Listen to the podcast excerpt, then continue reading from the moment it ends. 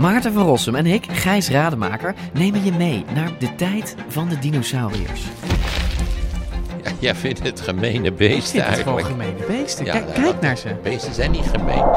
We zijn het eigenlijk nooit eens. Maar T-Rex is toch veel sexier. Nee, ik vind de kakkerlak net zo sexy als T-Rex. Ja, ik zie dat je daar moeite mee hebt. Voor iedereen die vroeger al van dino's hield en nu nog steeds een beetje, luister naar DinoCast.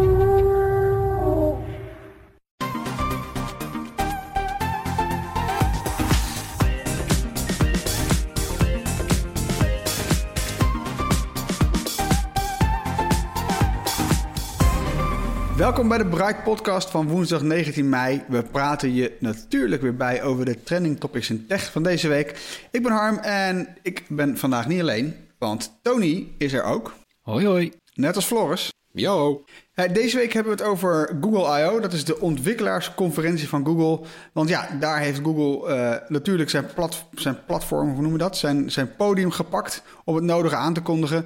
En verder hebben we het over lossless audio, oftewel muziek streamen op hogere kwaliteit. Ieder jaar in mei, als het in Californië, Verenigde Staten lekker weer is en de regen hier traditioneel met bakken uit de lucht komt. Je hoeft alleen maar even naar buiten te kijken en dan weet je precies waar ik het over heb. Het is mei in Nederland. Nou, op dat moment gaat Google vaak los met I.O. Dat is dus de ontwikkelaarsconferentie. Eh, en dat is misschien wel de belangrijkste jaarlijkse bijeenkomst van het bedrijf. Eh, I.O. is vooral bedoeld voor appmakers, appmakers, appmakers zelfs, en andere ontwikkelaars.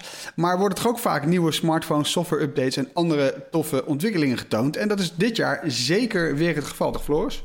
Ja, want vorig jaar ging hij niet door. eh, corona, dit jaar wel. Eh, digitaal. Een beetje zoals Apple deed met de WWDC. Een soort van Apple's nou, even knie van I.O. Ja, Ja, en eh, weet je, eigenlijk iedereen in de industrie is een beetje overgestapt op deze vorm. Eh, Google heeft dat ook gedaan. Ze hebben niet zoals Apple een, eh, een vooropgenomen video gedaan. Want weet je nog, Apple, Apple begon vorig jaar met eerst hebben ze gewoon geprobeerd om, volgens mij WWDC deden ze toen nog een beetje als, alsof, het, alsof het live was. In een lege zaal, als een soort presentatie. En later Ja. zijn ze overgestapt op echt video's die duidelijk op zijn genomen. Heel ja hele gelikte video's hè? Was eigenlijk ook wel lekker, werkt wel goed. En, eh, en, en nu zag je weer waarom we dat zo fijn vinden. Want dit duurde wel heel lang weer. Ja, Twee Ja. uur, meer dan twee uur aan aankondigingen. En dan echt misschien wel twintig verschillende sprekers die allemaal de mooiste overhemd willen hebben van het stel. Ja, Leek het wel. Hey, maar even tussendoor, voordat we echt op de inhoud ingaan. Tussendoor waren er wel hele gelikte, goede video's van dingen die ze doen met, eh, met AI. Heb je dat filmpje gezien met die drummer? die, die geen onderarm had, maar dan dus wel graag wilde drummen. Dan waren er dus knappe koppen die dus een soort prothese voor deze gast hebben gemaakt.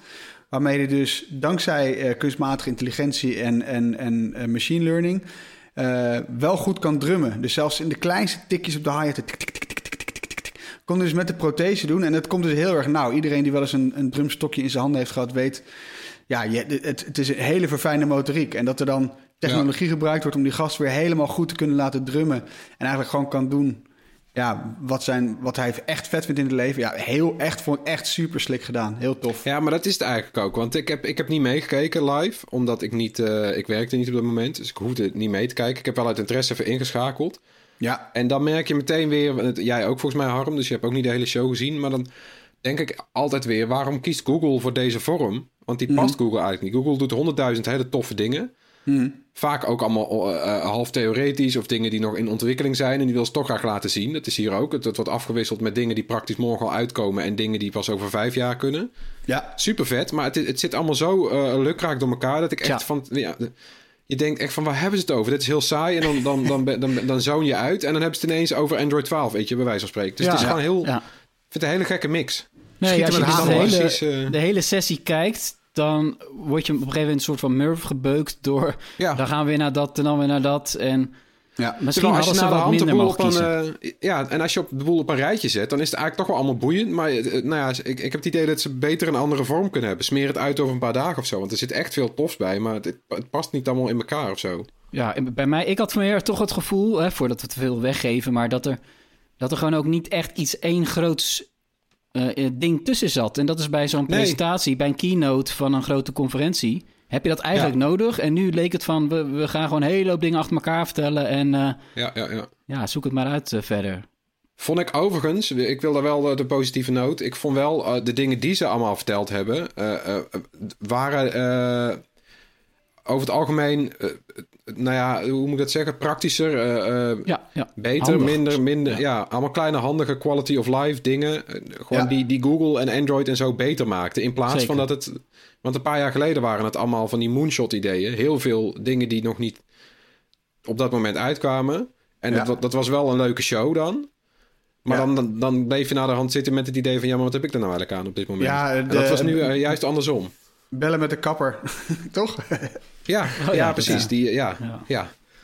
Hey, ehm, veel quality of life, maar ehm, sowieso echt heel veel. Maar zullen we even per product gaan even kijken? Dat is misschien wel overzichtelijk. Dan beginnen we gewoon met eh, misschien wel het belangrijkste, Android 12. Ja, what gives? Wie trapt hem af? Eh, een nieuwe look. Dat is eigenlijk het belangrijkste. Meestal heeft Android, eh, worden er allemaal nieuwe functies genoemd. En dit jaar heeft, eh, krijgt Android voor het eerst in jaren echt een hele opfrisbeurt. Ja. De grootste ooit, zegt Google zelf. Het is ook wel zo. Ze hebben een hele nieuwe look. Met eh, eh, nieuwe lettertypen, nieuwe, nieuwe knoppen, nieuwe sliders, nieuwe widgets. En vooral heel veel kleur. En dat is wel echt heel leuk. Want ze hebben een Ja, soort van kleurpaletten. Ja. Ja, je, hebt- je, Android kan straks een kleurpalet samenstellen. Bijvoorbeeld gebaseerd op, op de achtergrondfoto, op je, op je lockscreen. En die wordt helemaal op die foto eh eh, toegepa- eh, hoe heet het? Ja, afgeleid van die foto, dat kleurpalet. Dus helemaal persoonlijk voor jou. Iedereen heeft dan een uniek kleurpalet eigenlijk. Precies op die bij jouw achtergrond past. En het hele systeem gaat mee. Dus niet alleen bijvoorbeeld het lockscreen. De, de, weet je, de klok die je erop ziet gaat mee. De knop gaat mee. Maar ook als je gewoon een app opent. En het kunnen ook apps van derden zijn. Ja. die gaan Ja. allemaal mee. Dus je hele telefoon kleurt bijvoorbeeld... als jij gewoon een hele mooie nou ja, foto van een, van, van, een, van een bos hebt... dan kleurt alles in allemaal tinten groen die erbij passen. Eh, bijvoorbeeld ook eh, lichtgroen, wit. Nou ja, dingen die mooi in dat palet passen. En al je apps en je hele systeem doet dan mee. Een beetje Ja, zoals de dark mode, eh, hè, met die donkere modus, kunnen ook een hele hoop apps inmiddels dan meegaan. En die gaan dat Ja. dan op deze manier ook doen. En volgens mij zeiden ze zoiets van voor elk humeur een andere kleur. Ja. maar ik kan me niet voorstellen dat ik het zelf ook maar één keer zou doen. Maar het is leuk voor de mensen. Je hebt mensen die het wel heel, heel fijn zouden vinden. Ja, ik, maar ik vind het wel heel Ja. leuk hoor. En, en het is natuurlijk ook, eh, ook weer met, met eh, AI en machine learning. Ze houden dus rekening met Ja. alle kleuren in de foto, maar kiezen dus ook contrasterende kleuren die dus passen binnen het palet. Dus als inderdaad wat jij zegt, het, het, het, eh, het tegen, tegenwicht van die ene groene kleur bijvoorbeeld, die kun je dan weer tegenkomen en past dan dus wel weer in het kleurenpalet, maar is dan misschien weer net niet groen. Ja, het, het klinkt mij heel vet hoor. En ik inderdaad, precies wat je zegt, Ja. iedereen krijgt een soort van gepersonaliseerde telefoon hierdoor. Ik, vind, vind, het wel dit, dit is. Google op zijn best. Ja, dit is Google op zijn best, want het is, het is, eh, het is smaakvol. Want je kan bij heel veel, eh, heel veel van zulke soort customizable dingen worden vaak smaakloos. Omdat mensen zelf eigenlijk helemaal niet weten welke kleuren bij elkaar passen. maar je kan dus... Nee, ja, het is gewoon zo. Maar je kan dus iets, eh, je kan dus iets helemaal custom naar je hand zetten. Maar het blijft nog mooi ook. Ik vind het Ja. echt heel slim gedaan. Ja, Ja, het, was maar, het, het was ook een voorbeeld van eh, andere vormgevingsaanpassingen. Ze zeggen zelf dat de interface een van de grootste veranderingen ooit heeft gehad. Maar er zitten zoveel kleine dingetjes. Ja, knopjes, Eh, ja. slidertjes. En Dat groter, hè? Het eh, is, het is, te het is ook allemaal Ja, wat groter, hè? groter, ja. ja Als, als in Dat- eh, de hoeveelheid informatie die je op je scherm te zien krijgt met al die widgets en alles Ja. wat je... voor- Eigenlijk krijg je minder te zien op je scherm. Toch? Eh, de informatiedichtheid, die is Ja, kleiner. precies. Ja, leek wat meer op eh, ja, Windows. Ik durf het bijna niet te zeggen. Leek wel een beetje op Windows Phone eh, vroeger. Had je ook wat grotere letters. eh, ja. Die kant, ging het een be- die kant ging het een beetje op. Het was, eh, het was, het- als je het vergelijkt met Android een paar versies terug, ziet het er inderdaad totaal anders uit. Ja. Wel fris En en, en, en, mooi. Ja. fris en bubbly. Bubbly is het, denk ik het goede woord, toch? Ja. Wat jij wil, joh. Hey, even los van de bubbly interface, want ik mocht kiezen. Dus dit is, vanaf nu is het bubbly, de bubbly interface. Eh, los daarvan hebben we ook de nodige privacyveranderingen hè, in, eh, in Android 12. Ja, bij elke grote update van een besturingssysteem zie je dat daar steeds meer aandacht voor is. Dat zijn van de dingen waar nog wel allerlei verbeteringen nodig zijn, dat weten we. en eh, je ziet ook wel dat Google nog wel iets achterloopt op iOS op het gebied van privacy. En een paar van die nieuwe toevoegingen hebben we al langer op iOS. En bij Android 12 eh, zie je straks eh, ook een groen bolletje. eh, bovenin als de camera of microfoon actief is. En ja, die kan je ook ja, apps moeten ook steeds toestemming vragen om je microfoon of camera te gebruiken. Die gaan niet standaard aan. Dat is wel fijn natuurlijk. En Ja. ook, ook zeg maar de, de instellingen rond locatiegegevens ja, worden uitgebreid. Je kan er voortaan ook voor kiezen om niet je precieze locatie dus te delen, maar ongeveer. Nou, dat vind ik Ja, ja, ja. eigenlijk wel een goede toevoeging. Want ja, waarom zou een weer-app precies moeten weten eh, wat je adres is? Dus ik vind het wel fijn. Ja, want je wil wel het weer, weer van je omgeving hebben. Maar ja, ze weten zoveel exacte gegevens die eigenlijk niet nodig zijn. Nee, nee. En eh, Google gebruikt natuurlijk ook steeds vaker kunstmatige intelligentie, eh, AI. En daar heb je ook allerlei privacy-vraagstukken rond. Ja. Eh, dat proberen ze ook aan te pakken met iets nieuws. Dat heet Android Private Compute Core. Klinkt goed, hè? Ja, ja ik, nou ja, Eh, nee. Maar, ja. Eh, het, het is geen aparte chip of iets dergelijks waar de informatie op wordt bewaard. Maar het is wel eh, ja, het deel van Android met AI dat geen verbinding met internet heeft. En is dus afgeschermd van de rest van het systeem. Mhm. Eh, en die heeft dan alleen toegang. Android heeft dan alleen toegang via speciale soort van luikjes Ja, ja, ja. Tot dat systeem. Ja, probeer het allemaal maar uit te leggen. Maar dat moet er wel voor zorgen dat eh, ja, gebruikers zich minder zorgen hoeven te maken dat kunstmatige intelligentie allerlei privacygevolgen gaat hebben. Door, Ja. die, door die dataverwerking is dan de belofte.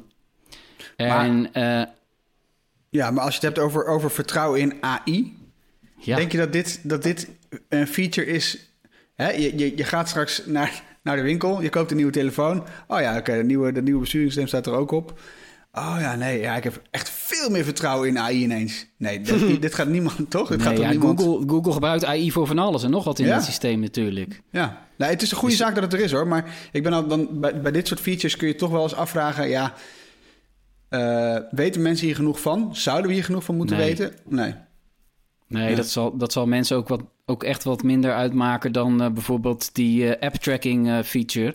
Ja, Die, die Google ja, eigenlijk nu nog niet toevoegt. En Apple heeft het natuurlijk laatst wel gedaan... dat apps je niet meer zomaar ongevraagd kunnen, kunnen volgen. Worden jullie al gek van al de pop-ups? Ja ik, ik druk soms gewoon per ongeluk op ja. Ja, ik kies ook... Ja, precies, had ik ook, ja. Dat wilde ik nog zeggen. Naar aanleiding van onze podcast over die, die app-tracking pop-ups. Ik klik soms gewoon het verkeerde aan... en dan geef Ja, ik wel ik heb, toestemming. terwijl eh, dat wil ik helemaal niet. Heb jij dat ook? Ik heb hem, ik heb hem uitgezet gewoon. Ik heb die, als je hem gewoon in de instellingen kan je kiezen voor globaal nee. Want ik, ik, ga, ik ga sowieso nooit ja zeggen eigenlijk. Ik wil het Maar gewoon heb niet. je, ik ben wel benieuwd, als we het hier toch over hebben. Ik ben wel benieuwd, want ik, eh, ik, ik betrapte mezelf op dat ik nadenk over welk bedrijf het aan mij vraagt. Dus als het een bedrijf is wat ik sympathiek vind, bijvoorbeeld Voetbal International lees ik graag. denk ik, ja, weet je, als Voetbal International mij overal kan volgen en ik kan hen tussen haakjes een beetje helpen, zodat ze iets meer begrijpen van wie ik ben en wat ik doe en gepersonali- gepersonaliseerde advertenties daardoor beter aansluiten en zij dan misschien wel wat meer, meer cash kunnen vangen in die end. Een beetje dat idee. Ja, je bent nou, echt een van de weinige mensen die er zo over na eh, denkt. Ja. Maar heel lovenswaardig. Ja, maar weet je, uit weet je onderzoek, wat uit eh, onderzoek bleek dat, geloof ik, eh, iets van 90% eh zegt van nee, Ja. doe maar niet volgen. Ja, Nee. ik heb hem gewoon uitgezet. Ik, ik sta de verzoeken niet eens toe. En als je de verzoeken niet toestaat, is het antwoord standaard nee. Maar ja, weet je wat het ook is? Ik kan, stel, stel ik geef Voetbal International wel toestemming. Dan verkopen die toch gewoon naar Facebook weer. Zo simpel is het toch ook. Ik, eh, het, het, heeft pas zin, volgens mij, als je overal nee zegt. Anders is er ergens toch wel iemand die dan die informatie weer verzamelt... en die verkoopt het weer aan de rest. Ja. Want het is gewoon... Het is handel. Ja, gebeurt nou ja, maar goed. ook. eh, net, net als met die cookies. Eh, cookies op websites worden ook... eh, er zijn enorme cookie-netwerken tussen allerlei eh, eh, bedrijven en zo... die het allemaal aan elkaar knopen. Ja, Ja, laat maar. Ja, en dat zie je ook terug bij Google I.O. dat Google toch echt ook... Ja, het is een advertentiebedrijf. Het bedrijf draait om online reclames. Dus ze, ze zeggen helemaal niks over eh app-tracking. Nee. Eh, geen idee of ze, dat, eh, of, ze, of ze dat ook meer gaan aanpakken. En ja, de privacy features die ze dan noemen... gaan over hele andere zaken. Zoals een, extra knopje om snel even Ja. de, zoek, ja, de zoektermen die je hebt ingevuld... het afgelopen kwartier even snel te verwijderen. Dat is dan Ja. nu een de, verwachting knopje, is, de verwachting is overigens wel dat Google dat gaat aanpakken, tracking. Want ze gaan het in Chrome ook al aanpakken op termijn. ja, ja. Maar dat is natuurlijk omdat ze zelf iets bedacht hebben. eh, eh, eh, wa- waardoor ze net zoveel weten of waardoor ze net zoveel reclameinkomsten kunnen hebben. En wat Google's positie alleen maar sterker maakt natuurlijk. Ja, maar dit was wel het moment om er iets over te zeggen, toch? Voor de buitenwereld. Maar niet dus. Ja, blijkbaar niet, nee. Hey, even wat anders. smartwatches, Google en Samsung. Hè? Dat was ook een leuk onderdeel, tenminste vond ik een leuk onderdeel van de presentatie. Google en Samsung die gooien hun, hun eh, besturingssysteem voor slimme horloges eigenlijk gewoon in de blender. En daar komt dan wat uit. En dat gaat dan verder als Wear. Dat vat Ja, ik goed samen, toch? Wat betekent dat? Ja, je had dus Google had al Wear OS. Dat was vroeger, eh, wat was het? Android Wear. In ieder geval het besturingssysteem voor slimme horloges. Eh, Ja. Samsung had al die jaren een eigen systeem. Tizen. Dat is gewoon een ander besturingssysteem. Daar draaiden al die, eh, die, die Samsung horloges op. En eigenlijk waren die Samsung horloges de afgelopen jaren veel beter dan die Wear OS horloges. Die hakkelden er altijd een beetje achteraan. Die waren ook niet zo snel. Nou, nu gooien ze beide systemen bij elkaar. Eh, daar komt dan één systeem uit. Daar heb je pas echt iets aan, moet ik zeggen, als je een nieuw horloge koopt. Dus het is niet zo, lijkt het erop in ieder geval. Het is niet zo dat al die horloges met Wear OS en Tizen, dat die straks ook naar de hand de update naar het nieuwe systeem krijgen. Maar dat is niet helemaal duidelijk. Ja, dat vroeg me ook nog het af. nou ja. eh. Hoe dat nou gaat lopen, dat is me nog niet helemaal helder. Maar in ieder geval, eh, straks die nieuwe horloges met dat Wear OS, die zijn, of met het nieuwe Wear, want het OS hebben ze laten vallen. Dat nieuwe systeem, samengevoegde systeem, dat heeft een betere batterijduur, ten eerste. Ja. Eh, ze hebben allemaal processen op de achtergrond beter gemaakt. Eh, ze kunnen daardoor de hele dag de hartslagsensor laten draaien, zegt Google. S'nachts je slaap meten en dan heb je de volgende dag nog batterijduur over. Nou, dat is mooi. Ten Ja. tweede zijn apps 30% sneller. Ze starten sneller op. De animaties zijn soepeler. Eh, dat wordt ook bereikt doordat, nou ja, doordat die systemen samenvoegen. En als derde, en daar gaat het natuurlijk eigenlijk om. eh, je had twee losse eh, systemen met losse apps. Voor de ontwikkelaar ook weer ingewikkeld. Kies je voor Wear OS, kies je voor Tizen. Je, Ja. Het is moeilijk om je op alles tegelijk te richten. Dus iets krijgt altijd voorrang. Nou, hoeft nu niet meer. Kunnen ze samengooien. Al die apps met kleine aanpassingen werken straks gewoon op dat nieuwe systeem. Ja. Dus dat is helemaal winst natuurlijk. Hey, maar ik, ik, zeg maar ik, bij het zien dacht ik, oké, dit is echt een knieval van Samsung. Want dit betekent dat Tizen, eh, dat eigen, eigen besturingssysteem van Samsung, dus gewoon te graven gedragen wordt. Datzelfde geldt natuurlijk dan ook voor eh, wat, wat Google had. Maar met deze naam klinkt het meer alsof Google hier aan het langste eind trekt. Maar, maar betekent Ja, dit dat Samsung's ja. eigen besturingssysteem dan ook uitsterft? Ja, toch? Nou ja, in zekere zin wel. De, de, ja, nou ja, het is moeilijk natuurlijk, want de technisch, technisch de achterkant blijft deels bestaan, want dat wordt natuurlijk in het Wear gevouwen. En de voorkant zal ook niet veranderen, want je kan er je eigen eh, uiterlijk aan blijven geven. Dus net zoals met Android. Ja. Android is op, op, op Samsung-telefoons heel herkenbaar en heel anders dan op andere toestellen. Dat zal hierbij ook zijn. Samsung heeft al gezegd tegen Wired dat bijvoorbeeld die bediening van Samsung smartwatches is heel eh, eh, herkenbaar ook. Weet je, Apple heeft dat draaiwieltje aan de zijkant. Samsung heeft een ring om het scherm. Dat doen ze al een paar jaar. Die blijft de komende jaren ook eh, zo gebruikt worden. Dus Ja. ook al heeft Google nieuwe interactieknopjes bedacht voor Wear. eh, Samsung blijft een beetje zijn eigen koers varen. Maar heeft dan wel het voordeel van het grotere app-aanbod. Nou ja, het zal waarschijnlijk ook een stuk beter werken nog met alle Android-horloges. Al was dat met die... Of eh, alle Android-telefoons. Dat was met, eh, met, met Tizen ook al geen probleem op zich. Maar die werkte toch het lekkerst samen met, eh, met, met de Samsung-telefoon. Ja. Eh, Wie, maar wie, wie trekt er dan eh, aan het langste eind dan? nou ja, misschien toch Samsung. Want ja, weet je, Samsung wil gewoon veel horloges verkopen. Ja. Ja, Misschien en wordt het straks een stuk aantrekkelijker. Ja, weet je, die, eh, ja, en überhaupt, ik denk dat alle smartwatch eh, eh, geïnteresseerden aan het langste eind trekken. Ja. Want eh, hiermee wordt een, eh, een, een betere concurrent voor, eh, voor Apple Watch eh, nou ja, gecreëerd eigenlijk. Ja. Dat, dat is goed, want betere concurrentie is altijd goed. Ja. ja, de Apple Watch loopt al jaren voorop. Ja. Maar eigenlijk niet eens meer omdat, omdat zij zelf nou zoveel nieuwe functies toevoegen, maar vooral omdat, omdat de rest er achteraan eh, hinkte. Ja, Ik hoop ja dat dat nu een stuk beter wordt. Ja. Ja. Ja, en dat, dit, is, dit is veelbelovend. Dus eindelijk, ja, dit krijgt echt een push. Lekker man. Hey, maar we- Samsung, we het over. Ehm, we kennen Samsung toch vooral als gewoon de absolute marktleider en, en werelds grootste Android-toestellen verkopert. Ehm, Android 12, eh, de hele even nog terug naar Android 12. Ehm, ja, betekent dit dan dat die hele bubbly interface met al die fijne kleurtjes, hè, zoals we net even bespraken, gaan we dit overal zien of is het afwachten?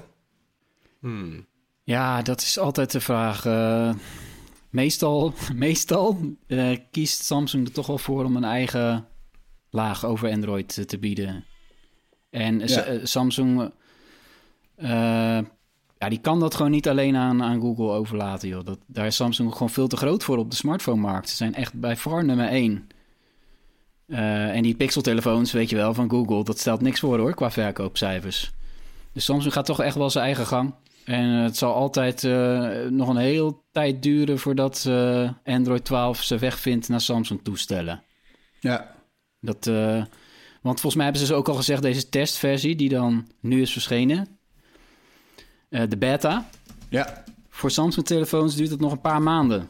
Ja, ja, ik zat even Zag door het ik. lijstje te, te bladeren. Er zijn, er zijn tien merken, nee sorry, elf merken, waaronder dus de Google Pixel. Ja, daar zit er OnePlus tussen, Oppo, Xiaomi, alles zit ertussen, behalve Samsung eigenlijk. Dus ja, proberen eh, kan eh, met een Samsung-telefoon dus nog niet. Als je het wel wilt trouwens, kun je dus via, hè, en je hebt dus een Oppo of een Xiaomi of een, een van die andere toestellen, dan kun je dus naar de developers pagina gaan en dan kun je, kun je die, eh, die nieuwe beta software Ja. van 12 Maar het is wel echt wel afwachten of jij precies het juiste toestel hebt als die al een paar jaar oud is. Maar goed, Ja, eh, ja, nee, precies, ja. exact. Ja, ja. maar inderdaad, Samsung zit er niet tussen. Dus dat is eigenlijk wel een teken, eh, denk ik. Hè? Ja. Weten we wel welke kant het Ja, op en ook gaat. als je, als je kijkt, eh, wat de Android, Android 11 kwam vorig jaar al uit en is pas sinds, eh, volgens mij, weet ik veel, maart of april of zo, kan je Android 11 volgens mij pas installeren op je Samsung toestellen. Er zitten Ja. altijd maanden tussen. Ja, nee, dus ik, ik verwacht eigenlijk dat Samsung op, uiteindelijk wel weer eh, een presentatie gaat geven wat er dan nieuw is in hun eh, eh, One eh, UI, heet dat hè? Ja. Ja. Ik kan het bijna niet uitspreken, maar eh, ja, die is ook alweer toe aan versie 4. Dus, eh, Eigenlijk is het voor UI. Dus Toch? ja. wat? Dan is het eigenlijk voor UI dus.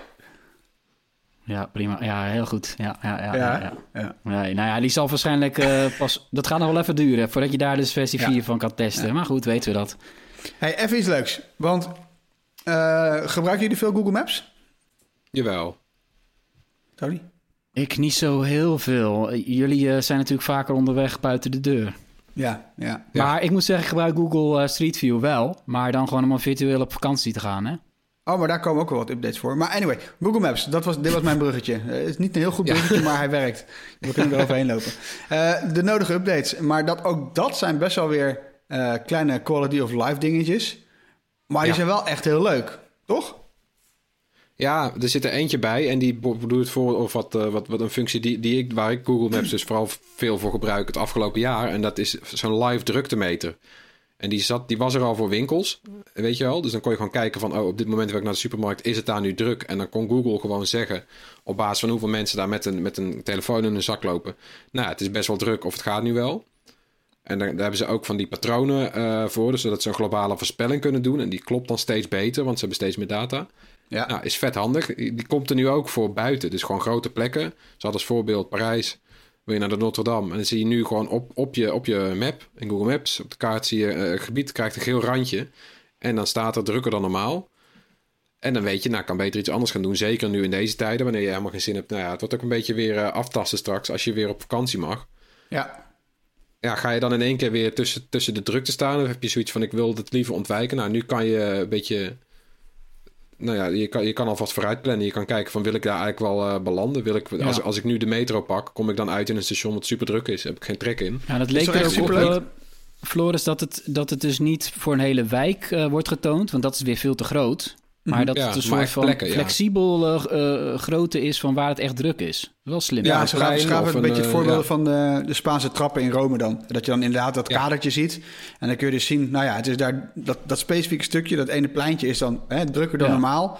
Of gewoon zo druk als je gewend bent. Of, of dus rustig. Nou ja, Ja. eh, Ja, daar heb je inderdaad veel meer aan dan dat er staat in de Jordaan is het druk. Want ja, dat Nou snap ja, ik. maar gewoon Kalverstraat bijvoorbeeld. Kalverstraat weet je wel, maar daar kon je soms ook nog... Je kan overvallen worden, want je komt gewoon een drukke zijstraat van de Kalverstraat... of een rustige zijstraat en er gebeurt niks. En je komt Ja. die straat ineens in en je loopt op zo'n muur van mensen. Ja, leuk. Ja.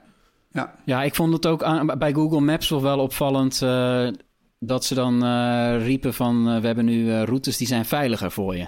ja, Dankzij kunstmatige intelligentie. Daar heb je het weer, AI.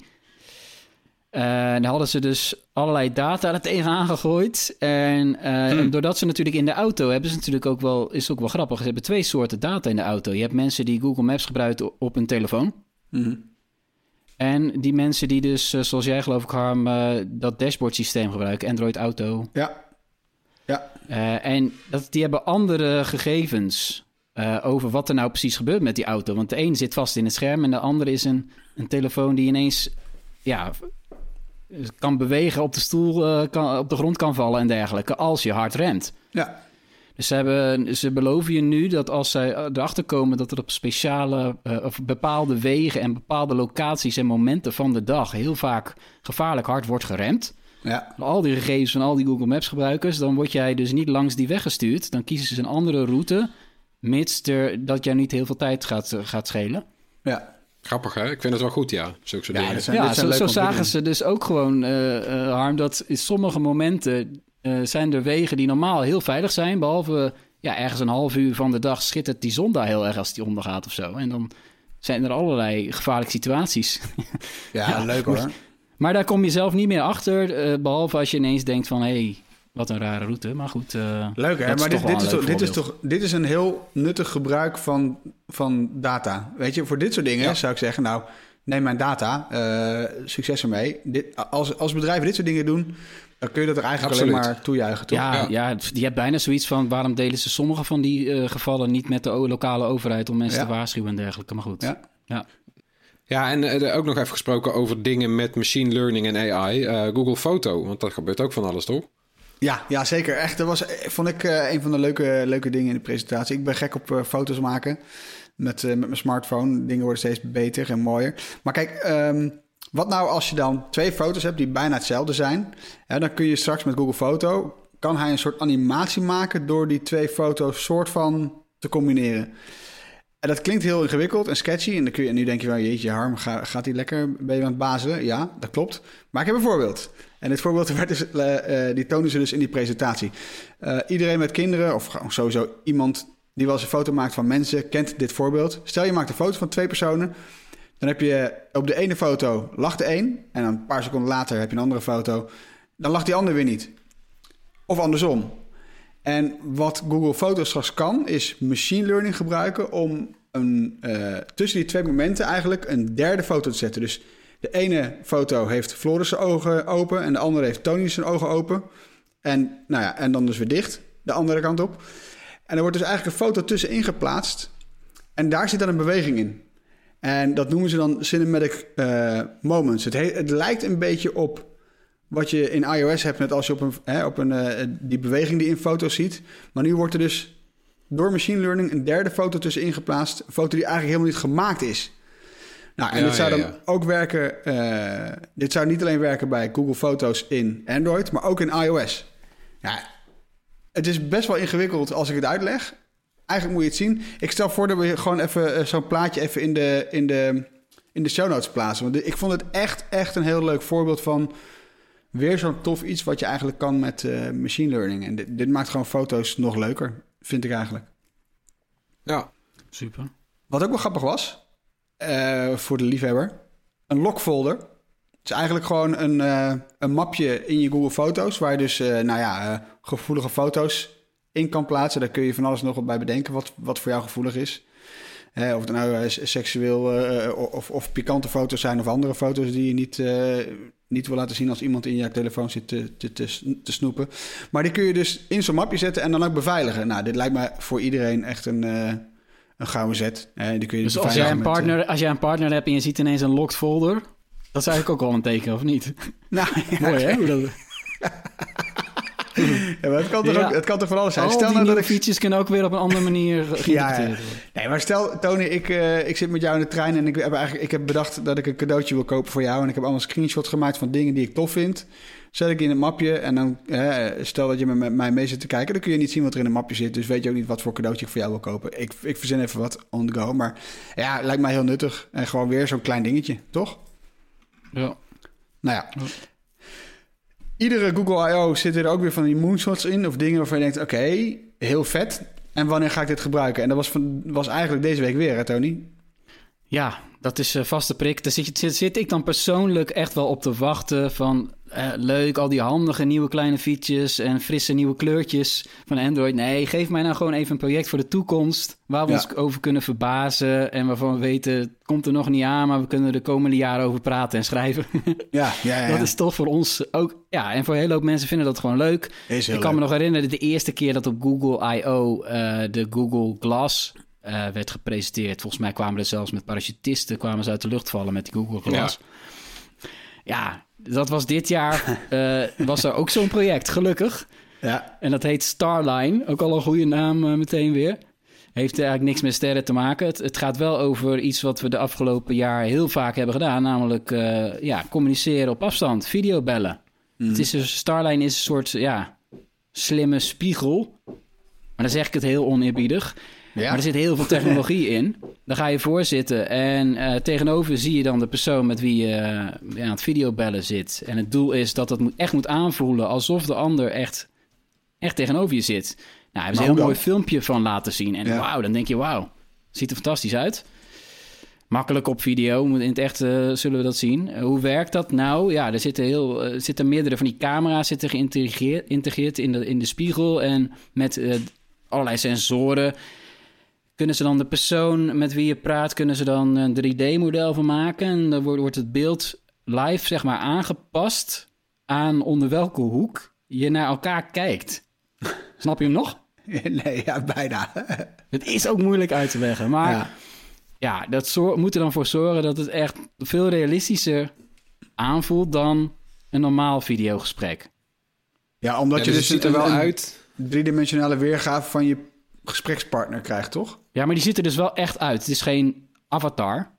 Nee, nee, nee, nee dat snap ik. Ja. Le- leven is echt... Nee, dus ze hebben echt kamertjes gemaakt. Ze hebben eigenlijk gewoon, eh, de grap is, ze hebben gewoon, je hebt, je hebt twee kamertjes en die zien er eigenlijk identiek uit. ja. Maar ze zitten op hele verschillende plekken en het lijkt alsof je tegenover elkaar zit. En als je eh, naar links of naar rechts beweegt, dan lijkt het ook gewoon zoals je in het echt ook gewoon dan iemand even van beter van de zijkant kan bekijken. Het gebeurt dan ook gewoon. Als jij naar de zijkant gaat leunen, dan verandert je perspectief op de andere persoon. Dan, ja, dan verandert de hoek naar onder waar je Ja. naar iemand kijkt. En dat, die technologie heet geloof ik eh, light field. En het voelt, voelde voor mij als wel een, eh, een interessante eh, tussenstap van gewoon videobellen. naar uiteindelijk waar we misschien wel van dromen, de 3D-hologrammen. Hè? ja, ja, ja. Ik had Ja. eigenlijk verwacht dat het er al was in 2021. Hmm. Maar eh, ja, dit is dan iets wat, ja, wat misschien voor de toekomst interessant is. We weten nog helemaal niet eh, of het op de markt gaat komen, hoeveel het gaat kosten. En ja. ja, Nee, maar het is het eigenlijk als je erover testen. nadenkt. Want we willen hologrammen, maar dan moeten we eerst eh, natuurlijk. De, de eerste stap daar naartoe is eigenlijk gewoon dat je dan iemand op een goede manier van alle kanten in beeld kan brengen. En Ja. dat is dit. Ja, ja, en de tweede stap is Ja. dan eh, dat je dan een, een iets kan maken wat je in het luchtledige kan projecteren. Daar komen ze dan wel weer achter. Ja, Maar, maar, dit is die ik, eerste ik, stap. ik vond En dit zullen wel, we- dit was wel een goede. Dat ze dit op dit moment nu laten zien. Want we hebben nu een, een, een- ruim een jaar lang met al die brakke videosoftware zijn we in de weer geweest. Elke dag video vergaderen. Ik denk iedereen snapt wel wat, dat het absoluut niet eh, zo goed is als het zou kunnen zijn. Toch? Nee. Ja, ja, ja. Hey, maar eh, eh, het is best wel abstract, hè? Als we dit proberen uit te leggen in de podcast. Dus ook denk ik hiervan even een linkje in de show notes, toch? Zeker, ja. ja. Plaatje erbij. Lekker, man. Oké. We hebben Nou er ja, allemaal al- over geschreven, Harm. Hè? Wij schrijven gewoon artikelen over al deze doen we ook. Doen we ook. allemaal Dat lezen. kunnen we eigenlijk veel, hè? Hey, wisten jullie trouwens dat we door de 250.000 subs zijn gegaan op YouTube? Wauw. Ja, lekker, hè? Hey. Dit was echt wel weer een momentje, hoor. Ik kan me nog zo goed herinneren dat we in de... eh, was, het in de was het tijdens de podcast dat we Erwin hebben verrast toen met die 100.000 eh, subscribers? Ja, Ja, dat was een fantastisch moment. Vet Ja. was dat dat, is niet eens zo lang geleden, hè? Nee, daarom. Moet je nagaan. Het is best wel dat bizar was hoe... eh, nou anderhalf jaar terug. Dus dat is ja, nog redelijk lang geleden Ja. eigenlijk. Hè? Ja, maar dan ja, in het, anderhalf af- jaar... het, afgelopen jaar, het afgelopen jaar voelt als drie maanden, heb ik het idee. Dus het, Nou, ik vind het in ieder lekker. lang. Ik wil even iedereen bedanken. En iedereen die zich nog niet geabonneerd heeft, even lekker doen. Gaan we door naar het eh, hoorspel. Het is weer zover. Eh, elke week, dat weten jullie ondertussen, laten wij een techgeluid horen. En dan gaan we meteen even checken wat ook weer het geluid was van de afgelopen, niet één, maar twee weken. Nou, Erwin is er niet. Normaal gesproken laat hem twee keer horen, maar nu niet. Want hij is geraden, begrijp ik toch, Floris? Ja, want dat was lastig. Eh, het is ook maar op het randje een techgeluid. Maar na een hint eh, hebben we een juist antwoord ontvangen. Eén goed antwoord. Het geluid kwam uit de eh, nieuwste trailer voor het vierde seizoen van Stranger Things. Misschien niet heel tech, maar toch wel een van de grootste soort van sci-fi hommage-series van deze tijd. En het geluid werd herkend door Xandro Herbouw. Ik hoop dat ik het goed uitspreek. Dus gefeliciteerd Xandro. Dat Bright T-shirt komt jouw kant op. Hey, we hebben een nieuw geluid mee, meegenomen ook. Eh ja, kom er maar in. En we doen hem gewoon nog één keer. Ja, graag. Als je denkt dat je weet wat het is, stuur dan weer je antwoord naar dat ontzettend bekende mailadres podcast.bright.nl. En ja, als er weer mensen zijn die het juiste antwoord uh, hebben, dan moeten we gaan loten. Dat doet Floris. En als er dan daar dan weer een winnaar uitkomt, dan verloten we uiteraard dat uh, gewilde Bright T-shirt. Gaan we naar het korte nieuws. Apple kwam deze week weer met een, uh, een verwachting, of met een verwachting. Apple kwam zoals verwacht met een aankondiging. Zo even rond Google I.O. komen zij in één keer zo uit het niets. Lossless muziek op Apple Music. En dat niet alleen, maar ook ruimtelijk geluid met Dolby Atmos. Het is eigenlijk um, gewoon heel goed nieuws voor muziekliefhebbers die houden van muziek op hele hoge kwaliteit. Maar laten we even uitleggen wat allebei die technieken zijn. En dan even aftrappen met Dolby Atmos. Ja, want dat kennen we al als soort van de opvolger van surround sound.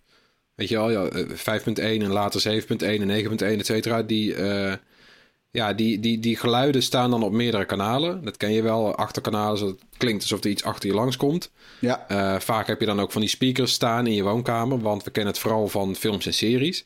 Ja. Uh, Atmos heeft veel meer kanalen dan dat. om precies te zijn, 24.1.10 is het maximaal aantal kanalen wat je dan thuis hebt. nou ja, dat betekent dat geluiden zeg maar rondom opgenomen worden en ook nou ja, ingesteld door geluidstechnici. Ja. Dus die kunnen uh, veel nauwkeuriger geluid uit een bepaalde hoek laten komen. Dus in plaats van dat je alleen links voor en links achter hebt, heb je ook links alles daartussen en ook boven je langs. En dan kun je, nou, kun je hele vette dingen doen. Dan kun je een soundscape om de luisteraar heen maken. Ja. En dat komt nu dus naar muziek. En dat is wel heel vet. Apple gebruikt daarvoor zijn techniek spatial audio. In het Nederlands heet dat dus ruimtelijk geluid. En simpel gezegd worden al die kanalen, uh, die ik dus noem, virtueel ja. gesimuleerd. Want in je oordop of je koptelefoon heb je al die speakers niet zitten, maar toch kan je het laten klinken alsof, het, alsof, alsof ze er wel zijn. Ja. Uh, nou ja, we weten dat dat met dat spatial audio, als je dus een iPhone hebt en je hebt AirPods, uh, dan kan je dat al proberen. Want dat, zit dan, dat gaat volgens mij zelfs automatisch aan als je een serie kijkt, bijvoorbeeld op Netflix of uh, op, op, op Disney Plus of Apple TV, wat dan ook. je kan dat dan instellen en dan klinkt het als je via je iPhone of iPad kijkt, alsof nou ja, alsof je je AirPods helemaal niet in hebt. Mm -hmm. Alsof het Ja. geluid van rondom komt, inderdaad. En als je dan je iPhone beweegt, hoor je ook dat het, dat het, dat het bron eh, verandert. Ja. Nou ja, dat idee een beetje, maar dan met muziek. En die muziek die is ook dus speciaal, want het zijn in eerste instantie... eh, zijn er maar een paar duizend nummers, zegt Apple, met, eh, met, met, dat, met, met dat Dolby Atmos. Dat wordt wel uitgebreid met de tijd steeds. Maar die zijn dus ook speciaal eh, opgenomen en ingesteld om gebruik te maken van die techniek. Ik ben wel heel benieuwd hoe dat gaat klinken. Ja, heel tof, heel tof. Ja, dit, dit zijn wel echt hele leuke dingen. Hè? Op het moment dat jij in een stuk muziek kunt herkennen of nou de, nou ja, ik zeg even wat, of, of de, de cello bij klassieke muziek links vooraan zit of uh, links achteraan. Uh, of dat, ja. nou ja, waar welke muzikant in een orkest bijvoorbeeld zit. Ja, daar kun je echt hele vette dingen mee doen. Dat, dat maakt muziek volgens mij gewoon veel mooier. Het is wel iets voor de, voor, voor de luisteraar die echt de tijd uh, en aandacht bij de muziek heeft. Een hele hoop mensen gebruiken die streamingdiensten natuurlijk gewoon terwijl ze iets anders aan het doen zijn. En dan zit je helemaal niet te wachten op ruimtelijk, uh, ruimtelijke muziek. Huh? Nou ja, wie weet, wie weet komt het ook wel voor de natuurgeluiden waar ik naar luister. Het is wel lekker dat je echt uh, lijkt alsof je in een bos uh, Ja. rondloopt. Hè? Ja, ook Zo, daar. dat lijkt me ja. vet dat kan natuurlijk ook, ja. ja. Heel vet. Hey, en uh, nou ja, dat, dat gaat er dus aankomen. Maar dan is er dus ook dat lossless. Uh, hoe zit dat ook alweer? Ja, lossless is, daar, dat is een term daarmee wordt bedoeld de muziek in de hoogst mogelijke kwaliteit. Zonder Ja. verlies van kwaliteit. Ja, daar komt de term vandaan. Dus uh, zoals die is opgenomen in de studio, min of meer. Uh, Ja. Want ja, laten we niet vergeten, we luisteren nu natuurlijk uh, dag in dag uit naar muziek die op allerlei manieren is verkleind. Of je nou de Mhm. radio aanzet of Spotify luistert. Het is allemaal Ja. gecomprimeerd naar allerlei verschillende formaten, MP3, AAC of wat dan ook. Hm. Uh, dat is wel fijn, want dan wordt de muziek kleiner door, waardoor je het makkelijker uh, kan streamen. Maar ja, gaat ook gaat kwaliteit verloren. Maar ja, de vraag is natuurlijk altijd hoe belangrijk dat is, die kwaliteit. Maar goed, er zijn ook mensen uh, die zijn echt liefhebber van muziek. Audiofielen worden die ook wel genoemd. dat is een beetje een aparte term altijd. Maar ja, Ja. het, zijn, dus, het zijn ook bijzondere mensen die, die heel veel geld uitgeven aan echt kwalitatief hoogwaardige apparatuur. En Ja. die geruwelen, geloof me, want ik ken er een paar, die, die geruwelen bij streamingdiensten. tot nu toe. En draadloze audio moeten ze eigenlijk ook niks van hebben. Nee. en voor hun is dat lossless bedoeld. Dus het is een, ja, het is een kleine groep mensen die vindt dat wel heel belangrijk om het aller, allerbeste kwaliteit te hebben. En die, Ja. en die krijgen dat eh, straks dus op, eh, op Apple Music vanaf eh, juni. En eh, ja, da- daar is Apple best wel vroeg mee. De, een aantal grote spelers doen dat nog niet, dus dat is fijn. Eh, het is wel zo dat ik heb ook wel eens die verschillen geluisterd. En vroeger heb ik ook wel lossless muziek gedownload. In de tijd van de torrents, jongens. Lekker. FLAC-bestanden, F-L-A-C. Ja, ja. Een hele goede. Ik heb hier ook goede speakers ook wel staan, maar ik luister natuurlijk nu ook gewoon Spotify via draadloze speakers en oordopjes. Omdat ja, je hoort het geluid, je hoort het verschil, het verschil wel hoor als je erop let. Maar hoe ouder je wordt, hoe minder je dat eh, hoort. En is het het geld van die apparatuur waard en, en, enzovoort. Dus eh, ja, het, het is niet iets wat misschien heel veel mensen spannend vinden. Nee. Maar voor nee, liefhebber. klopt. Ja, ik, ik heb hier een video over gemaakt toen eh, Spotify een paar maanden geleden met, met, zijn, met, met de aankondiging kwam dat, dat, dat zij dit zouden gaan doen. Eh, toen ben ik Je langs bent geweest. eh, echt eh, de studio ingedoken. Ja, ik ben de, ik ben de, de wereldberoemde Wisseloord Studios ingedoken. Voor de mensen die het niet kennen, dat is waar de allergrootste der aarde heen zijn gegaan om, om hun muziek op te, ne- op te nemen. Van, van Michael Jackson, Tina Turner tot nou ja, de Rolling Stones. Maar ook jongere artiesten, niet alleen maar de oude garde. Eh, en daar heb ik, eh, eh, nou, heb ik iemand mij laten uitleggen van joh, wat nou dat verschil is en of je het nou kunt horen. En ja, je, je kunt het verschil echt wel horen. Maar dan moet je dus wel eh, eigenlijk gewoon een bedraden koptelefoon gaan gebruiken. Want dan is er gewoon nul geluidsverlies bij het omzetten van nou ja, geluid naar trillingen en weer terug. En er- komt geen compressie aan te pas. En dat is Jij waar hoorde, het... eh, het, jij hoorde het wel. Je hebt nog Ja, goed maar- genoeg oren. Ja, maar het is, het is echt... Iemand moet je uitleggen wat het verschil is eh, en waaraan je het kunt horen. En eigenlijk is mijn tip, kijk even mijn video. En dat is heel flauw, maar in, in die video heb ik het zo duidelijk mogelijk geprobeerd te visualiseren en eh, hoorbaar te maken. Of je nou luistert op je draadloze of bedraden koptelefoon. Maar goed, Apple gaat dit Ja, dus doen. Ja, in mijn ervaring hoor je gewoon meer details. En Ja. eh, soms voegt dat daadwerkelijk wat toe en heel vaak ook niet. Nee, ja, ja. Ja, Maar Apple, die... ehm, ja, hoe, hoe zeg je dit? Op een, op een subtiele manier. Eigenlijk slaan ze een beetje de plank mis, toch? Dat mag je wel zeggen. Of niet? Hoe bedoel je dat? Nou ja, oké. Om het verschil te kunnen horen, moet je dus eigenlijk geen Bluetooth koptelefoon gebruiken. eh, want dat heeft weer te maken met de codec. Want de codec, eh, dat is eigenlijk de compressie. Dus als de muziek wordt verstuurd van je telefoon of van de bron van hè, waar de muziek vandaan komt naar je koptelefoon, dan wordt die data gecomprimeerd. Er worden eentje nulletjes uitgehaald. De data wordt kleiner gemaakt om het te kunnen versturen door de lucht. En dan wordt het weer uitgepakt. Maar dan gaat dus ergens gaat daar dus iets verloren.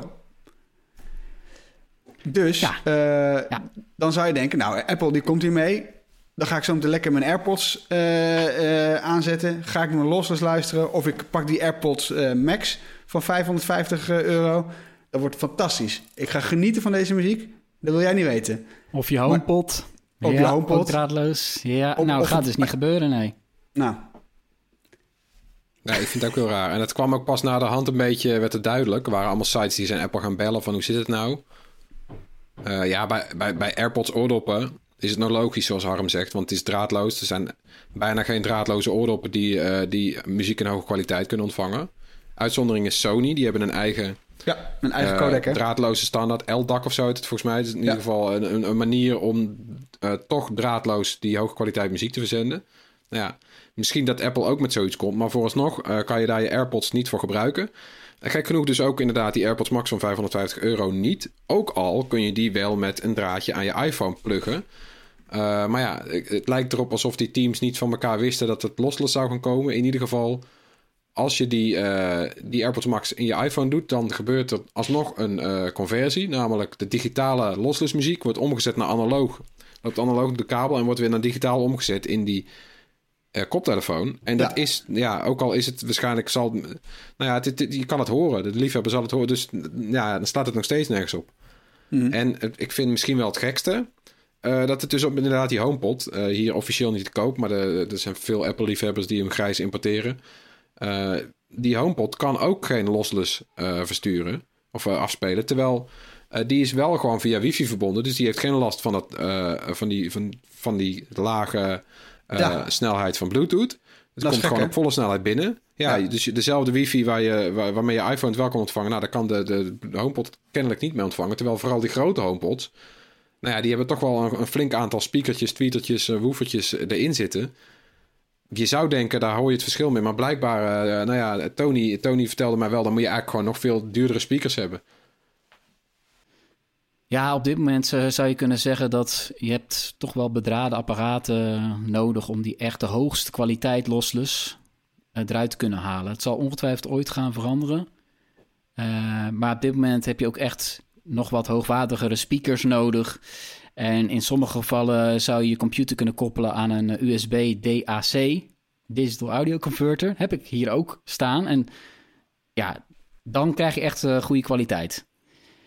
En ja, dan kom je toch tot de conclusie dat Apple dus nu een nieuwe functie heeft toegevoegd aan een dienst. Die je eigenlijk dus niet kan gebruiken op Apple-apparaten. Ja. Dus toch wel apart. Ze hebben geen audioproducten, laat ik het zo zeggen, waarmee je die hoogste kwaliteit kan laten horen. Nee, tenzij dat misschien via... Wat, Oké, dit is echt een mis... Eigenlijk dan gewoon een soort van miskleun van Apple. Ik vind het ook niet des Apples, om heel eerlijk te zijn. Maar het zou natuurlijk wel een oplossing kunnen zijn. Bijvoorbeeld Sonos, hè, dat kennen we ondertussen ook. Heeft ook ieder, eh, Jan en Alleman heeft een Sonos. Sonos werkt dus wel weer met lossless. En dan niet... eh, eh, ehm, werkt dus wel met, zo, eh, met lossless. Bijvoorbeeld van Tidal. Als je Tidal lossless afspeelt via Sonos, dan, dan ga je dat verschil horen. Want die maakt weer gebruik van wifi. Sonos heeft een wifi-verbinding met het internet... en haalt het geluid in hoogste kwaliteit of in lossless kwaliteit... op jouw Sonos-speaker. Ja. Maar, komt ie, of Sonos gaat werken met lossless van Apple Music... dat is ook nog heel wazig. Dus eigenlijk is Apple best wel wazig geweest rond deze aankondiging. Ja, Nou het ja, leek ze- even heel duidelijk, maar toen, Ja. eh, toen, toen kwamen er toch ineens allemaal, ja, allemaal haken en ogen. Waarvan ik dan ook even niet helemaal snap. Want inderdaad, Harm, het maakt het voor mij alleen nog maar ingewikkelder. Dat je een Sonos hebt, die eh, qua prijs en kwaliteit heel dicht tegen de HomePod aan zit. Het is praktisch dezelfde categorie speaker. Ja, En gek genoeg kan dan de Sonos wel eh, bijvoorbeeld Tidal in lossless binnenhalen, maar de HomePod die kan niet. Ja. eh, Apple Music in lossless binnenhalen. En dan komt er ook nog bij inderdaad dat dan het, het, dat het nog onduidelijk is hoe dat dan zit met als je wel een Sonos hebt en Apple Music, wat hoor je dan? Ja, en Apple die zei dan in, de, in een verklaring dat je, omdat die bestanden zo groot worden van de liedjes, dat draadloos gewoon niet, eh, het werd min of meer gezegd, draadloos kan eh, niet, want die bestanden zijn te groot. Ja, ja maar ik Terwijl snap dat niet dus waarom niet het per niet se kan. hoeft, maar... maar dat is ook raar. want, want- want waar- waarom zouden we dan Ja, wel draadloos. games in, in 4K kunnen streamen, series in 4K kunnen streamen? Ja, dan hebben we het over gewoon hoge kwaliteit beeld, wat echt veel data kost, meer dan muziek. Dan zou het toch raar zijn dat het bij muziek niet kan? Ja, en zo'n speaker zit toch vast, weet je wel? Zo'n speaker, ik bedoel, ik snap dat, dat, dat de verbinding, de, de bottleneck is de verbinding tussen je telefoon en Ja. de koptelefoon. Nou, weet je, tot zover begrijp ik het. Ja, Maar je telefoon is via wifi verbonden. Eh, hè?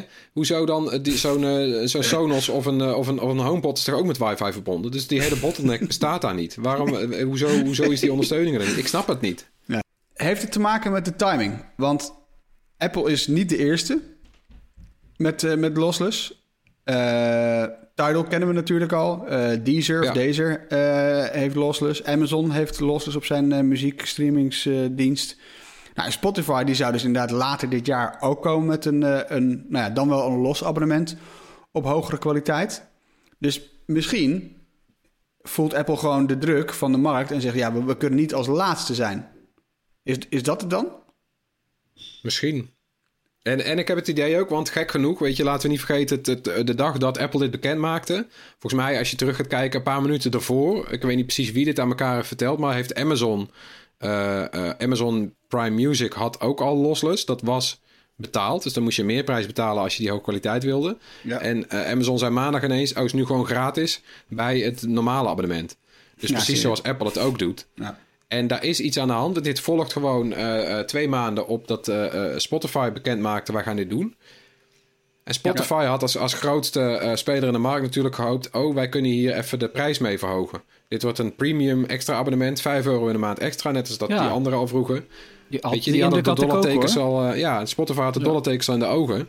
Ja, dat zat ik in mijn Ja, video en, ook. eh, in, in mijn video heb ik het ook zo gedaan. Want ik, ik ging dus een vergelijking maken tussen al die diensten. En, en ook, toen heb ik ook gezegd van, nou, oké, eh, bij, bij eh, Tidal betaal je, eh, ik zeg het even uit mijn hoofd, dit klopt waarschijnlijk niet, maar een tientje meer. Laten we er dan even vanuit gaan dat Spotify er ergens dus in gaat zitten. Dus tussen de 5 en 10 euro meer gaat vragen voor zo'n lossless abonnement. Had Ja. niemand raar gevonden. Maar Nee, nu... tot, tot, ja, nu kan het niet meer. Het kan Nee, kan niet meer. Nu, nu Apple en Amazon lossless gratis hebben toegevoegd, min of meer. Eh, Ja. ja. is wel leuk voor Spotify. Die hadden zelf nog een eigen naam aangegeven. Dat zei eigenlijk wel iets dat er een apart abonnement aangehangen zou worden. Eh, Spotify Hi-Fi. Ja. Ja, Hoeveel mensen hebben nog een, een koptelefoon of speakers die geschikt zijn? Tja. Ik heb ze nog wel. Ik ga het nu weer. Ik ga het, ik ga het eh, als het in juni gelanceerd wordt, ga ik eh, dat wel eh, testen weer met die oude speakers. Tuurlijk. Ter afsluiting hebben we natuurlijk de nodige tips meegenomen. Eh, ik heb een oudje eigenlijk. Eh, ik ga hem aftrappen met mijn oudje. Ehm, kent iemand het boek, dan wel de film Ready Player One nog? Ja, Ja. zeker. Oké, nou, ehm, eh, een soort van samenvattend. Dat gaat eigenlijk over eh, de hele wereld. eh, is zo'n beetje naar, naar, naar de knoppen. Iedereen speelt een virtual reality MMORPG. Daar lijkt het een beetje op neer te komen. Ehm, en nou ja, fantastisch boek. Science fiction. ehm, en hij werd ook heel goed verfilmd door Steven Spielberg. Maar het komt dus uit het boek van Ernest Klein. Nou, in die MMO-wereld wordt een soort van prijsvraag eh, gestart. En de, de, de winnaar van die prijsvraag die wint eigenlijk die hele virtuele wereld... waar iedereen ongeveer de hele wereld op zit te spelen. Nou, dat is waar Ready Player One om gaat. En Ready Player 2, dat, eh, de opvolger van dit boek, is eigenlijk al een jaar uit. En daar kwam ik deze week dus achter. Dus die daar ben ik mee begonnen. En ik ben eigenlijk in twee avonden heb ik eh, dit boek uitgelezen. Ik dacht eerst van, nou oké, hoe gaan ze dit verhaal naar een volgend niveau brengen? Naar een volgend level brengen? En het is gewoon gelukt. Het is echt een ontzettend goed boek. Ontzettend spannend. Eh, weer met dezelfde hommage aan, aan de jaren 80 en de jaren 90, wat, wat in Ready Player One ook zat. Eh, het gaat over gamen, het gaat over technologie. Ja, ik vind het echt, echt een fantastisch boek. Eh, ik heb hem gekocht op Kindle, ik, ik denk voor een tientje, ik weet het niet eens meer.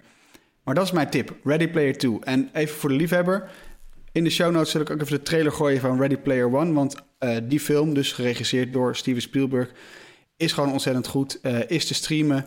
ehm, en is, is, was voor mij een hele lekkere aanleiding om weer even dat, dat boek dan op te pakken. Dus ik heb eerst het boek gekocht, toen de film gekeken en toen eh, het de- tweede deel gelezen. Nou, mijn tip Nou, is... ja. dus- En het tweede deel krijgt, eh, lees ik hier tenminste, ook een tweede film. Oh, echt? Ja.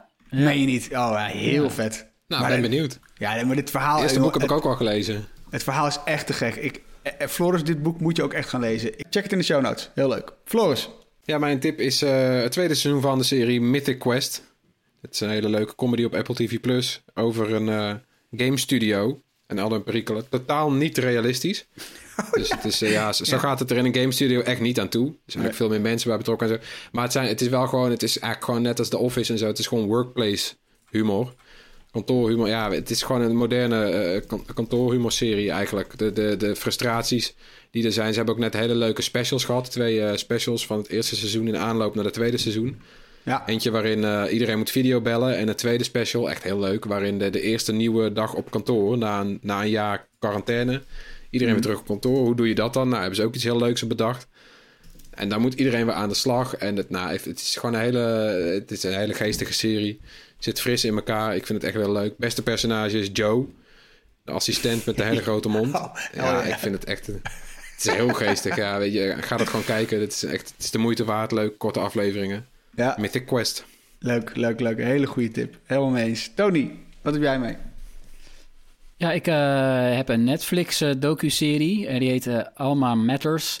Het gaat over de, de harde realiteit eh, van studenten aan de meest gerenommeerde technische universiteit van India. De, de IIT's, Indian Institute of Technology. Dat is echt een fenomeen hoor. Het is echt ongelooflijk. Eh, en ja, daar kwam ik ook een beetje op, omdat ik gisteren...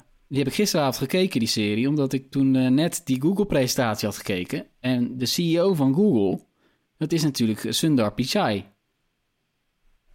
En die heeft ooit gestudeerd aan die Indiaanse universiteit waar het over gaat. Ja, En het is echt een, een droom dus van, eh, van miljoenen en miljoenen Indiërs... Die, die dromen ervan om de nieuwe Sundar Pichai te worden. Om ook aan het hoofd te staan van zo'n groot wereldwijd techbedrijf. ja. Maar als je ziet hoe dat eraan toe gaat bij de universiteit... Het is echt, het is echt heel erg bizar. Maar ja, geloof me, India is ontzettend belangrijk op techgebied. We vergeten dat wel eens. Er is heel veel aandacht voor China en voor Silicon Valley. Maar India is, is gigantisch, man. De- als je ook in Silicon Valley rondloopt... en dat heb ik de afgelopen 20, 20 jaar door familieredenen... ook ben ik er ook vaak geweest. Er zijn zoveel Indiërs daar. Satya echt- Nadella ook, hè, Microsoft, die topman van Microsoft. Ook, eh, ook een Indiër, ook aan zo'n... eh, heb het even opgezocht, ik wist niet uit mijn hoofd... maar die heeft ook aan zo'n eh, Institute of Technology in, in, eh, in India gestudeerd. ja. En is zijn daarna elk pas jaar- naar de VS eh, gegaan. Ja, nee, ja, je, je komt gewoon, je hebt gewoon geen carrière als je niet daar hebt, hebt gestudeerd. Maar om daar binnen te komen, dat is echt ongelooflijk. Daar gaat het ook over. Die, de psychische stress eh, waar, waar, waar ze allemaal mee zitten. Omdat er zijn anderhalf miljoen aanmeldingen per jaar voor iets van 13.000 eh, studieplekken. Ja, en als je er eenmaal studeert, is het ook één grote hypercompetitieve wereld. Alles is een wedstrijd. Iedereen moet elkaar verslaan. Ja, dat is echt een andere wereld. En, en ook echt zwaar, volgens mij, eh, om daar te studeren. En er zijn ook best wel veel eh, psychische problemen onder die studenten. En Mhm. het, het is echt... Je, je, je kijkt, je krijgt een andere blik achter die, die India's techwereld. Ja, Waar ze eerst helemaal doorheen moeten. En dan komt er een moment dat de grote tech-jongens... of nou Google is of Microsoft... die komen dan eventjes langs... ja. om eventjes een stel van de allerbeste talenten eh, op te halen. En dan, dan, dan gaan die eh, studenten... Die, die gaan dan gewoon echt dagenlang... bijna 24 uur, per dag... allerlei sollicitatieprocedures door. En het is echt eh, bizar om te kijken. Je zou toch wel... eh, ja, een goede tip. Goede tip. Maar je zou toch Ja, wel het is een denken... beetje een rare tip, hoor, moet ik zeggen. Omdat het eigenlijk dus een Netflix-docu is. Die is gemaakt eh, niet voor een internationaal publiek eigenlijk lijkt het wel. Het lijkt gewoon echt wel voor India gemaakt. Nou ja, het is een Indiaanse documentaire. En, maar daardoor krijg je wel het echte verhaal. eh, niet dat, gelikt. dat het is eerder als een aanbeveling dan daardoor, toch? Ja, maar het is Ja. niet makkelijk kijken. Dus ik Nee, nee, nee, ga er niet vanuit dat het eh, zo gelikt is als de meeste Netflix-documentaires. Maar je ziet dus, als je goed zoekt, want deze vind je absoluut niet in je aanbevelingen. Leuk. Deze heb ik zelf, ik heb al hele lang gescrolld. Ik moest echt googlen, want ik wist dat het eraan kwam. Leuk, En, heel eh, leuk. hij staat Ah. er wel op. Klinkt tof. Tegelijkertijd, ik, ik vraag me af, hè, als die jonge Indiërs hè, naar zo'n eh, zo'n eh, IIT gaan en naar zo'n Institute of Technology, dan zou je verwachten dat ze daar ook goed leren presenteren, toch? Aanname. Ja, Maar Sundar Pichai, even, gisteren, dit appte ik gisteren naar Floris. Mag ik even voorlezen?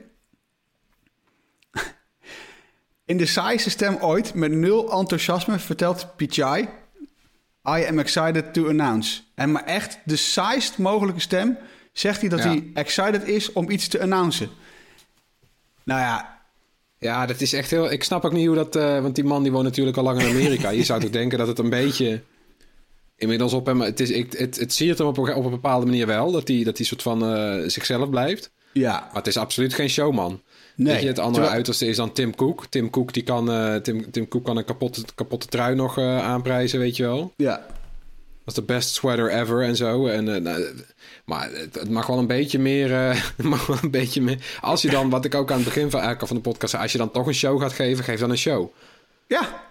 Terwijl, en, en Google had Toch? genoeg Ga niet, tops om te eh, presenteren, maar breng het dan met een beetje elan. En dat elan, nou ja, dat, dat miste ik gisteren wel bij Pichai. Maar ik ja, denk en dat ik we vraag me ook af, geeft hij op deze manier leiding aan dat bedrijf? Hoe, hè? Hoe zijn... al- Ja, Ja, toch? ja. Ja, ik, Ja. eh, ik hoop Ja. misschien Ja. dat, dat eh, een Googler ons dit kan eh, komen vertellen in de podcast. Als hij er is, mail ons. Ja, maar dat is een techneut. Dat- Die man, ja, dat is gewoon een techneut, joh. Dat Ja. Is, ja, dat, Ja. Kennelijk past dat bij Google. Ja. Ja, blijkbaar. Nou, daarmee zijn we aan het eind boeiend. van... eh, ja, heel boeiend, sorry. Ja, en, en, en daarmee zijn we voor de tweede keer dan aan, aan het eind van de podcast.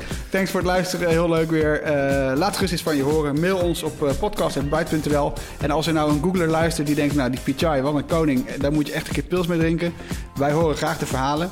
mail ons dan ook eventjes. podcast.bright.nl Eh, Zoek ons op op YouTube. Eh, dan kun je wellicht ons brengen naar de volgende 250.000 subs. Ehm, Facebook zijn we, Instagram, TikTok, Discord. Overal en nergens. Maar eigenlijk overal. Tot volgende week. Doei. Doei.